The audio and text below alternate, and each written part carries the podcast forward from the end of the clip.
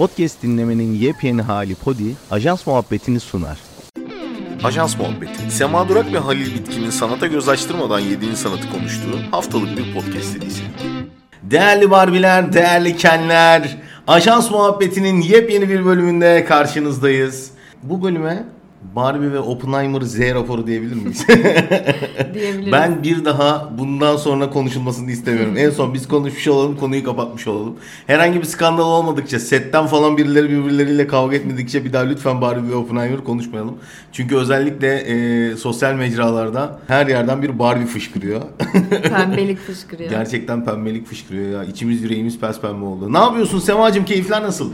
İyi nasılsın? Bir tane film izledik geldik hafta sonu. Böyle sinemaya bolduk. Şimdi de konuşacağız. Arkadaşlar önden bir uyarımızı yapalım. Bu bölüm spoiler içermektedir diyebilir miyiz? Bolca. Aynen bolca spoiler içermektedir. Zaten bu zamana kadar izlemediyseniz muhtemelen ya fakirsiniz benim gibi ya da sinemadan hoşlanmıyorsunuz ama bu spoilerlar hoşunuza gidecek diye düşünüyoruz. Tatlı çerezler aslında Aynen. bunlar baktığımızda e, o şekilde değerlendirebiliriz. Şimdi ben öncelikle en başından beri bizim de paylaşım yaptığımızda insanların bize sorduğu, benim de aslında başkalarına sürekli sormak istediğim konuyu dün akşam itibariyle araştırdım. e, ödevime son gün çalışırım. E, üniversiteyi böyle bitirdim. Neden Barbie ve Oppenheimer birlikte anılıyor? Bunun aslında altında yatan bir intikam hikayesi var neredeyse böyle söylenebilir. Christopher Nolan kariyerindeki bütün filmlerini Warner Bros'la çekti ama bu son çekmeyi planladığı yani Oppenheimer filmi e, bir IMAX formatında çekmek istediği için ikincisi oyuncu kaşeleri çok yüksek olduğu için üçüncüsü de işte patlama ve prodüksiyon sahneleri çok maliyetli olduğu için aslında Warner Bros'la anlaşamadıkları için Christopher Nolan Aile ve Müslüm'ün yapımcısı Mustafa Uslu'ya gidiyor ve diyor ki bak bu da biyografi filmi gel beraber çekelim. Yok hayır Atlas Entertainment'a gidiyor ve filmi Atlas Entertainment'tan çekmeye başlıyor. Ee, aslında e, burada Warner Bros da buna bozularak biraz e, hali hazırda çekmeyi planladığı Greta Gerwig'le olan Barbie filmini e, Oppenheimer'ın yayınlanmayı planladığı tarihe tam olarak koyuyor. Tam şey hikayesi değil mi? Ali Cabbar hikayesi değil mi? Sevdiğin kız başkasına varmış falan. Sen de git Barbie'ye var. Aynı gün gidiyorlar söz kesiyorlar onunla. Bakalım arkadaşlar hangisine gidecekler. yani Barbie'nin tamamen bu tarihte çıkmasının sebebi Oppenheimer'dı bu tarihte çıkması ve gişede aslında Oppenheimer'ı ezmek. E, böyle bir planları var. Bunun için de çok ciddi reklam maliyetleri harcanıyor. İşte şu anda 150 milyon doları aşmış e, reklam maliyeti Barbie'nin. Bu Hollywood tarihinin belki de en yüksek e, reklam e, şeylerinden bir tanesi, bütçelerinden bir tanesi. Ki Barbie sadece bunu reklam bütçesi olarak kendisi yaptığı reklamlarla değil, marka işbirlikleriyle de yaptı. Mesela şey hikayesi tamamen film şirketinin bulduğu bir hikaye. Barbie filmine gidilirken pembe giyilir. Tamamen film şirketinin ürettiği bir hikaye, uydurduğu bir hikaye biliyor musun? İşte Zara ile işbirliği yaptılar, H&M'le işbirliği yaptılar. Yani tamamen giderken insanlar bu koleksiyonlardan ürün alsınlar gitsinler diye ki bence müthiş bir satış taktiği. E, hakikaten takdire şayan ama hesaplamadıkları bir şey vardı. Ben bu kıyafetlerle ilgili bir şey diyecektim. Şimdi son zamanlarda insanlar birlik duygusunu çok fazla hissetmek istiyor galiba. Çünkü mesela bir konsere gittiklerinde de o şarkıcının kıyafetleriyle giyiniyorlar. İşte Taylor Swift'in konserine gidiyorlar. Sanki Taylor Swift'miş gibi giyiniyorlar. Harry Styles'ın konserine gidiyorlar. Öyle giyiniyorlar. Bence insanlar biraz da hani ya karşıdakiyle bir olmak istiyorlar ya da kendi aralarında böyle bir şey gözlemledim. Tabii aslında bu e, bir nevi şey etkinliği tarzında bir etkinlik verdi. İşte Noel zamanı Noel kıyafetleri giyebiliyorsun ama başka bir zamanda giysen tuhaf olur. E, bu sinema etkinliğinde böyle bir aslında kıyafetlerimizi de gösterme etkinliği haline getirmek gerçekten çok zekiceydi. Ama Barbie'nin planlamadığı bir şey vardı. Barbie'nin özellikle reklam ekibinin planlamadığı bir şey vardı. Bu da şu. Barbie'yi konuşurken insanlar sürekli Oppenheimer'da konuştular aynı tarihte olduğu için. Hatta ilk bir Amerikalı sinema yazarı şunu soruyor. Diyor ki hangi filme önce gideceksiniz?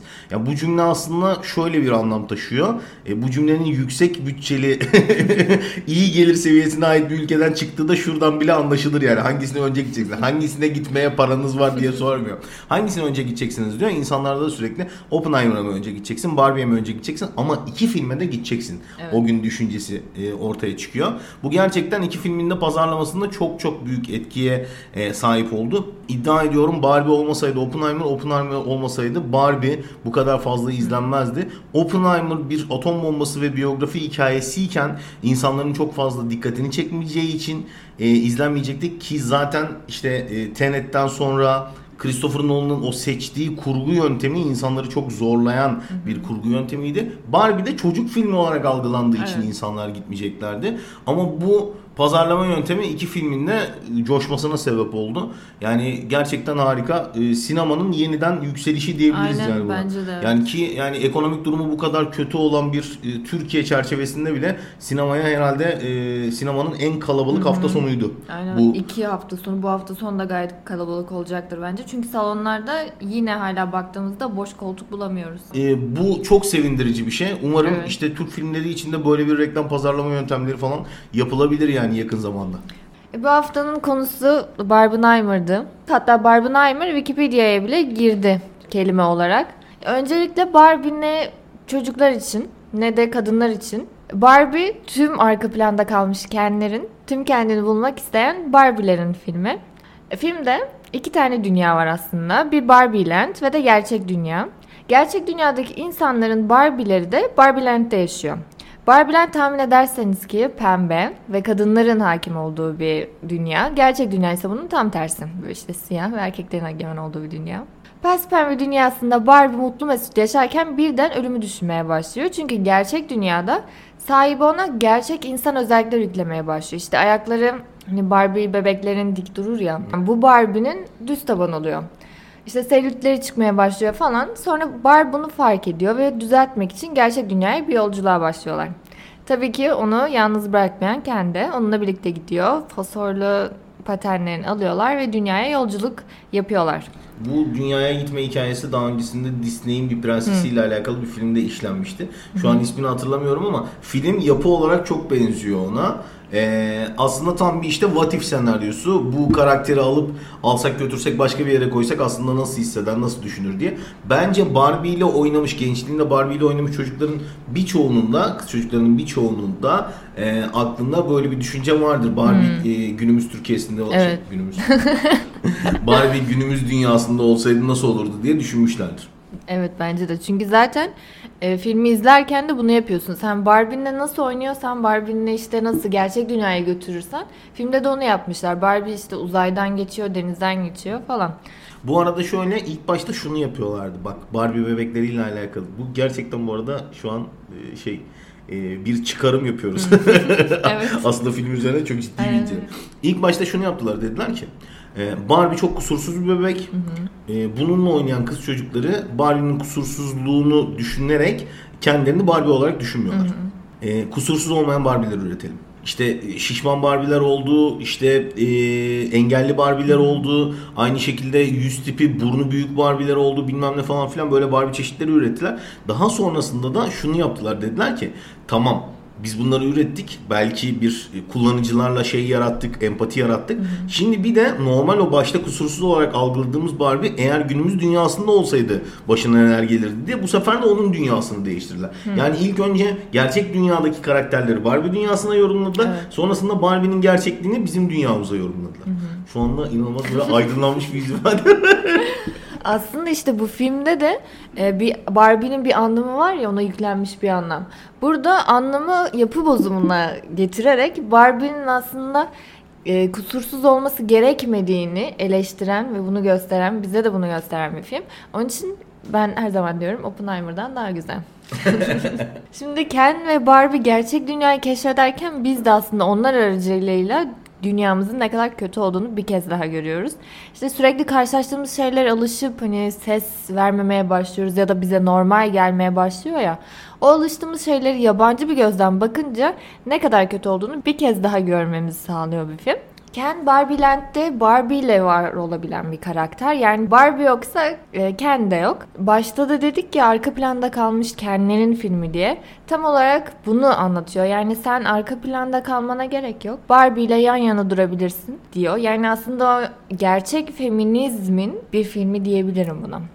Filmde bol bol referanslar da görüyoruz. Özellikle o giriş sahnesinde Kubrick'in Uzay Destanı filminden aldığı referans beni en çok etkileyen kısımdı. Filmde ayrıca gerçeklik ve kurmaca arasında kurduğu o hani bağdan da The Truman Show referanslarını aldık. Beni aslında en çok etkileyen kısım da kadınlar hani hep böyle bir onları seven erkekleri sevme zorunluluğu varmış gibi olur ya. Burada Pride ve Prejudice'den bir referansla Barbie'nin sadece hani evlenmek için veyahut da birini bulmak için o kişiyi aradığını gösteren kısmı beni çok etkiledi. Çünkü işte dediğim gibi genelde kadınlar biri onu seviyorsa onunla birlikte olmasın gibi bir düşünce var. Şimdi biz yer yer filmde biraz duygusallaştık. Ama yer yerde dans ettik. Böyle biraz müzikal havası da vardı filmde. Ama en çok da yani nasıl daha iyi bir dünyada yaşarız bunu sorguladık. Blockbuster e, filmi olarak Greta'nın yaptığı şeyi ben takdir ediyorum. Çünkü genelde bu tür filmler daha çok işte Oppenheimer gibi herkese hitap edecek şeyler ve çok fazla sorgulatmayan filmler olur.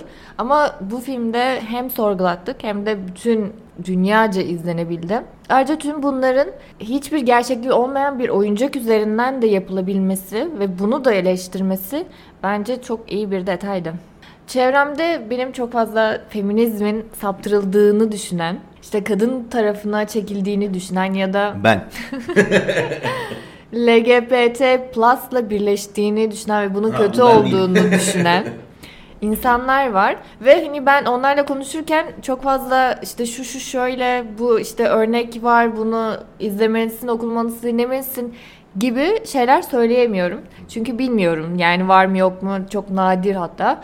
Ama bu filmi bu tür yorumları yapan birine söyleyebilirim. Bu gerçek bir feminizm filmi diyebilirim ve bunu izlediğinde feminizmin ne olduğunu ve insanların feminizm hakkında ne düşündüğünü görebilirsin diyebilirim.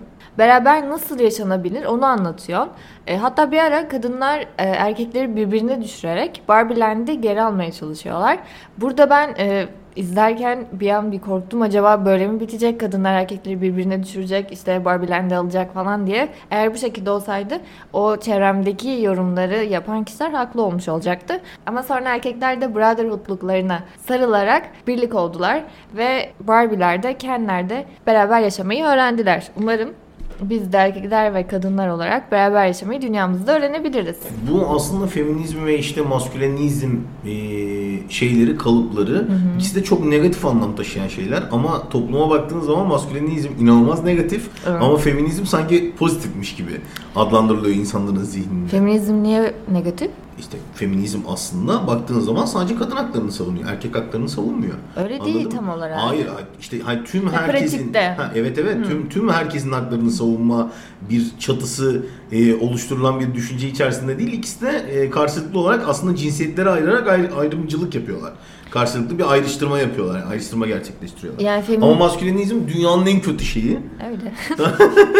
Ama feminizm çok aslında olması gereken ve işte e, herkesin bünyesinde barındırması gereken bir şey. Yani feminizm ilk başlarda öyleydi ama şu an işte bütün o e, haklarını savunması gereken kişilerin yer aldığı bir topluluk, bir Erkek- düşünce. Erkek haklarını kim savunuyor? Savunuyor. Erkek haklarını kim Savunuyor. Üniversitelerde bile erkek çalışmaları diye bölümler var artık. E, erkek haklarıyla alakalı vokal olan hiçbir grup e, ne yazık ki hiçbir yerde e, medyaya yansımıyor ve haber olmuyor. Ama bu ülkede bu ülkede başka ülkelerde dünyanın her tarafında aslında e, erkeklerin de e, üstlenmesi gereken ya da üstlenmesi gerektiği düşünüldüğü roller kadınlara yapılan baskı kadar erkeklere kadar erkeklere de baskı yapıyor. Evet işte feminizm de bunu, bunu diyor toplumsal cinsiyet. Mesela sen yarından itibaren çalışmayı bıraksan ve evde otursan kimse sana demez ki neden Sema çalışmıyorsun. Evet. Ama ben yarından itibaren çalışmayı bıraksam bana derler ki Evet işte feminizm pezevenk götünü sallıyor. öyle. Ama feminizm de işte bunu diyor. Yani sen de eğer çalışmak istemiyorsan evinde oturabilirsin. Eşin sana finansal olarak yardım edebilir. Feminizm de bunu Gerçek savunuyor. feminizm bunu söylüyor Evet, ama pratikte tabii ki. Şu an toplumun tamamına yayılan e, feminizmi konuşursak %96'sı erkekler kapatılsın diyor. İşte o femi- böyle gerçek feminizm yere, değil ve böyle o. hiçbir yere varamıyoruz işte. Gerçek feminizm değil o. İşte, işte o yani erkek düşmanlığına gidiyor aslında konu baktığın Ya zaman. ba- bir yerde evet ama o işte öyle değil.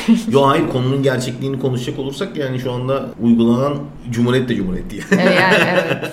yani baktığın zaman. Şimdi Barbie'nin o pembe evreninden çıktıktan sonra Oppenheimer'ın kara evrenine girmek bir miktar bizi depresif hale soktu tabii. Bu dakikadan sonra hiçbir şey daha iyiye gitmedi. Yani filmi izledikten sonra birden o kadar çok erkek gördüm ki yani o kadın evreninden erkek evrenine geçmek çok fark etti. Neden bundan rahatsız oldun? Ya çünkü gerek yok bu kadar erkek. Filmde sadece iki tane kadın var. Abi Böyle bir şey oyunlarda, olabilir. oyunlarda kadın Olamaz. çalışmıyor. Yani neden Olamaz. böyle yapıyorsun?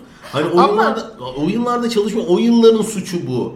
Anladın mı? Tarihsel Ama- filmlerde oyunların e, dönemi anlatılıyor ve ne yapsınlar yani karakterleri değiştirip kadın mı yapsınlar? Tamam ama şu da var. Şimdi bir kadının yönettiği filme bakıyorsun pes pembe ve içler açıcı, açıcı. Diğer filme bakıyorsun kapkara. Allah Neden böyle bir farklılık inşallah. var? Şimdi, ama bak erkekler kapatılsından ne farkı kaldı şimdi bu söylediğin senin? Hayır ben bunun neden böyle olduğunu sorguluyorum. Yani olmasın. Ya tarihsel film açıklıyorum sana tekrar sorguluyorsun ya. Ama- Tarihsel film o dönemde kadın çalışan yoktu diyorum Ama ya. Nolan'ın bütün filmlerine bak hepsi bu şekilde.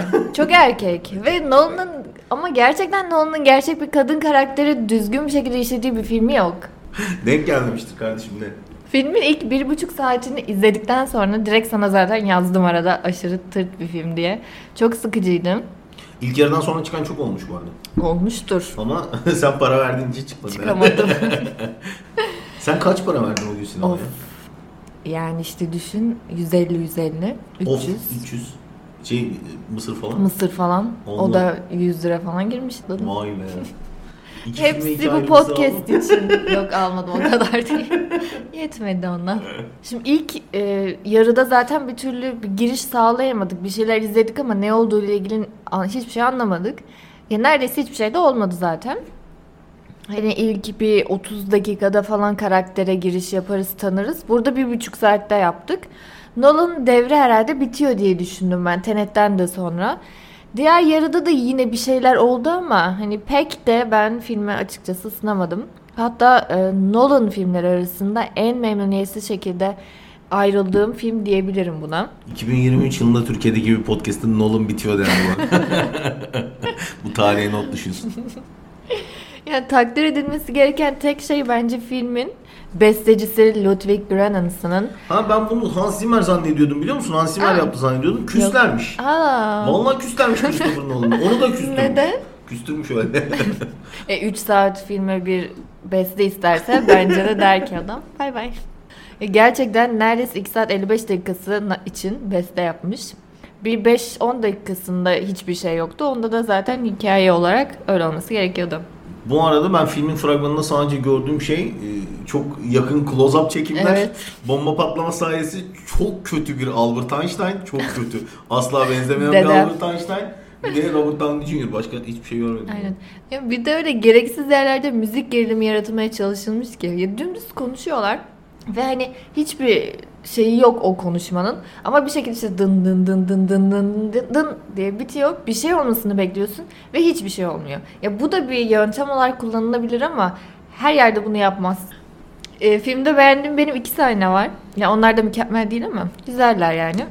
İlki işte atom atılmış, bomba atılmış. Atom atılmış. Oppenheimer e, kutlamalar yaparken bir e, sahnede konuşma yapıyor. O konuşmalar sırasında da bombanın sesini falan duyuyor. İşte insanlar alkış yapıyor. Onların sanki orada e, yanmış derileri varmış gibi görüyor falan.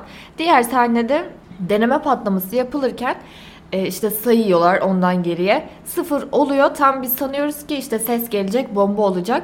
Sadece ışık geliyor bize. Bütün ekran işte bembeyaz oluyor. Yine bekliyoruz bekliyoruz ses gelmesini. Artık vazgeçiyoruz işte hani ses gelmeyeceğini sanıyoruz. Birden bom sesi geliyor. Ee, orası güzel işte. O şey işte aslında biliyorsun değil mi? Işık hızı ses hızından Evet. daha hızlı olduğu için önce ışık hızında şeyi Aynen. görüyorsun. Tam yani onu yaşatmak istemişler. Filmden sonra düşündüğüm şey benim e, şu oldu. Hani sanki bu film Amerikalıların milliyetçilik hislerini yükseltmek için yapılmış gibi geldi. E, ara ara hani şey oldum ben neden bu filmi izliyorum? Ben neden atom bombasını tamam Mucidi'nin nasıl yaptığını merak edebilirim ama o kadar e, milliyetçilik duygumu ateşleyecek bir filmi neden izliyorum gibi düşündüm. Bir de çok fazla zaten tek taraflı işlenmiş. Opi'nin gözüyle işlenmiş. Japonya'da vizyona girdi mi bilmiyorum ama bence hani girmez gibi. İşte sana aslında yukarıda söylediğim bu. Ee, bu film e, eğer Barbie filmi olmasaydı ve bu şekilde şey olmasaydı Türkiye'de asla izlenecek bir Bence film de evet. Kimsenin de götünde olmazdı yani bu atom bombasının yapılışı falan. Bizde öyle şey adam yok yani. Hani e, tarihsel hikayelere bu kadar dikkatini Evet. çeken de giden kimse yoktu. Ha Fatih'in döktürdüğü şahi toplarının filmi yapılsın. Direkt gider izleriz. atlarımızla gideriz atlarımızla. Ve filmin bir de izleyişiyle alakalı, izlenişiyle alakalı çok büyük bir e, sıkıntı var. E, işte bu e, siyah beyaz ve renkli e, görüntüler kısmı var ya işte renkli de aslında Oppenheimer'ın kendi gözünden görüyoruz. İşte siyah beyazlı tarihsel çerçeveden görüyoruz bilmem ne falan. Bu siyah beyaz kısmında da Robert Downey Jr. aslında e, çok fazla etkin şekilde rol oynuyor. E, benim burada en çok takıldığım şeylerden bir tanesi Robert Downey Jr. röportajında şunu söylüyor. Bu benim tarihte bu zamana kadar oynadığım en iyi karakter ve en iyi filmdi diyor.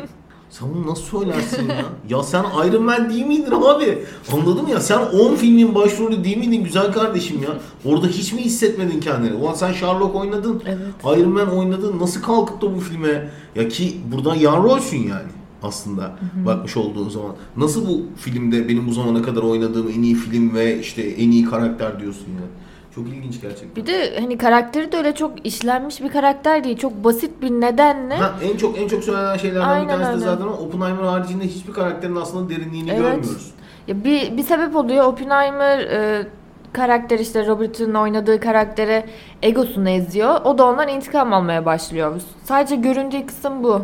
Yani çok da öyle hayatımın filmi diyebileceği ben bir şey göremedim. Ya bunlar işte biraz herhalde Reklam. yaşın etkileri. Yo Robert Downey Jr. biliyorsun Iron Man'i bıraktıktan sonrasında Aha. bayağı çöktü. Herhalde onunla birlikte gelen bir şey etkisi. Olabilir. Hani Şey mi? e, düşünmeye vakti oldu galiba.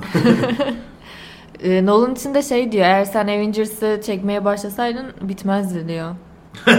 Gerçekten mi? Bunu duymamıştım. Gerçekten bitmezdi bu arada. Evet.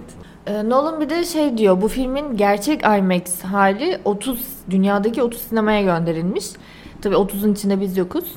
Ee, gerçekten o sinemalarda izlenmesi gerekiyormuş. Ben bu arada IMAX'e falan yokum ya. ya mesela 3D'ye falan da yokum. 3D'ye ben de biraz Aşırı ama aşırı başımı ağrıtıyor benim 3D. Hı, evet. Gözlük. Ya ben biraz e, sinemada şey istiyorum ya. Filmin iki boyutlu olarak e, görebileceğim bir perde üzerinde e, izlemeyi istiyorum. Yani daha uzaktan bir de. Filmin yakından izleyen manyaklar var. Evet. Niye yakından izliyorsunuz oğlum yani? Göremiyorsun. Ne yapmayı planlıyorsun yani bu kadar yakından? En önden falan izliyor herif bu arada yapıyorlar. Sinema salonlarının aslında dizilimi de çok yanlış. Çok Evet, uzaktan evet. yapılması gerekiyor. Şey gibi geliyor hep bana. Tiyatro veya opera sahnesi gibi olması gibi geliyor ama herhalde salona mümkün olduğunca koltuk atabilmek için her şeyi yapıyorlar yani. Ben mesela şeye çok tav olurum onu da söyleyecektim sana. Galalarda filmin oyuncuları, yönetmenleri falan en öne oturur ya. Oğlum ölüyor o insanlar oradalar. Ölüyor böyle izliyorlar. Boyunları böyle sıkışmış şekilde bilmem ne yapmış şekilde. Adamlar sıfır seyir zevki yani. Sırf öne kalkıp konuşacaklar bilmem ne yapacaklar diye sıfır seyir zevki. O zaman Oppenheimer ve aslında Barbie'nin dosyasını bir nevi kapatmış olduk. Söylemek Aynen istediğim öyle. son şey şu olsun. Ee, Oppenheimer'a para verilir mi? Yani Yoksa bekleyelim mi şey e, HD film cehennemine gelsin? Ya şimdi şöyle o e, sesi hissetmek istiyorsanız bence gitmelisiniz. Yani bilgisayardan falan o sesi alamazsınız. Ama çok gerekli mi bilmiyorum. Yani görsel olarak çok bir etkisi olduğunu düşünmüyorum. Tamam, ikinci soru Barbie'ye para verilir. Evet. Kesinlikle para verilir. Kesinlikle. Greta Gerwig senin akraba mı be kadın? Öncelikle o eğlenceyi hissetmek için bile verilir. Yani tamam e, içindeki mesajları bilgisayardan da izleyebilirsiniz ama o eğlenceyi ve oradaki ortamı hissetmek için bence gitmelisiniz. Pembe giyip gitmelisiniz. Özellikle pembe giyinmelisiniz. Öyle veya böyle şu anda aslında eee, Türkiye'nin de dünyanın da en çok ihtiyacı olan biraz daha böyle sinema sanatına insanların dikkat çekmesi eee, veya insanların farklı bir aktiviteyle kafasını dağıtması için eee, bence çok başarılı bir etkinlikti. Eee, ve biz bayağı bunun geri sayımını yaptık aslında. Bayağı Evet. geri sayımla bekledik. Eee, şu anda da bunun etkilerini e, filmin bayağı şeyleri görüyor. Hayranları görüyor. Ben bir süre daha konuşulacağını düşünüyorum. ben de. Etkisi devam edecek gibime geliyor. Ee, ama şeyi de çok merak ediyorum. İlk hangi dijital platformlar yayınlayacak? Çünkü e, bu sinemaya erişemeyen çok aslında kişi var. İlk yayınlayacak dijital platformda da e, çok ciddi karşılığı olacağını düşünüyorum. Evet, Orada evet. da e, şey olacağını düşünüyorum. Bundan hangisi alacak merak ediyorum. Aynen öyle. Öyle düşünüyorum. Ama bence çok güzel bir sinema etkinliği oldu. Evet, evet. Bize de konuşacak bol bol malzeme verdiler. Çokça. Evet yani sadece bak bir tane bölümümüzü onlar üzerine konuşmuş olduk. Ee, bu, Ama şimdi konuşulacak şey de vardı yani. evet vardı. Vardı. Yani uzun zamandır sinemada olmayan şeyler vardı. Aynen. Yani sinemanın bu kadar kısır olduğu bu dönemde bu iki film ilaç gibi geldi. Bence mutlaka en az bir tanesini izleyip e, yine dijitale geçtiği zaman da diğerini de izleyip e, çok keyifli e, zaman geçirebileceğimiz yapımlar olduğunu düşünüyorum. E, o zaman bu bölümü de Barbenheimer olarak Come on Barbie Girl. Yine Barbie Girl. It's fantastic. Şarkıyı da bilmiyorum işte. o şekilde kapatıyoruz. Peki görüşmek üzere Sema bir şey diyor musun bize? Hoşça kalın. O Barbie ile kalın. O pes pembe dünyandan bir şey diyor musun? Görüşmek üzere. Kendinize iyi bakın. Barbie Oppenheimer bölümü burada sona eriyor. Bay bay.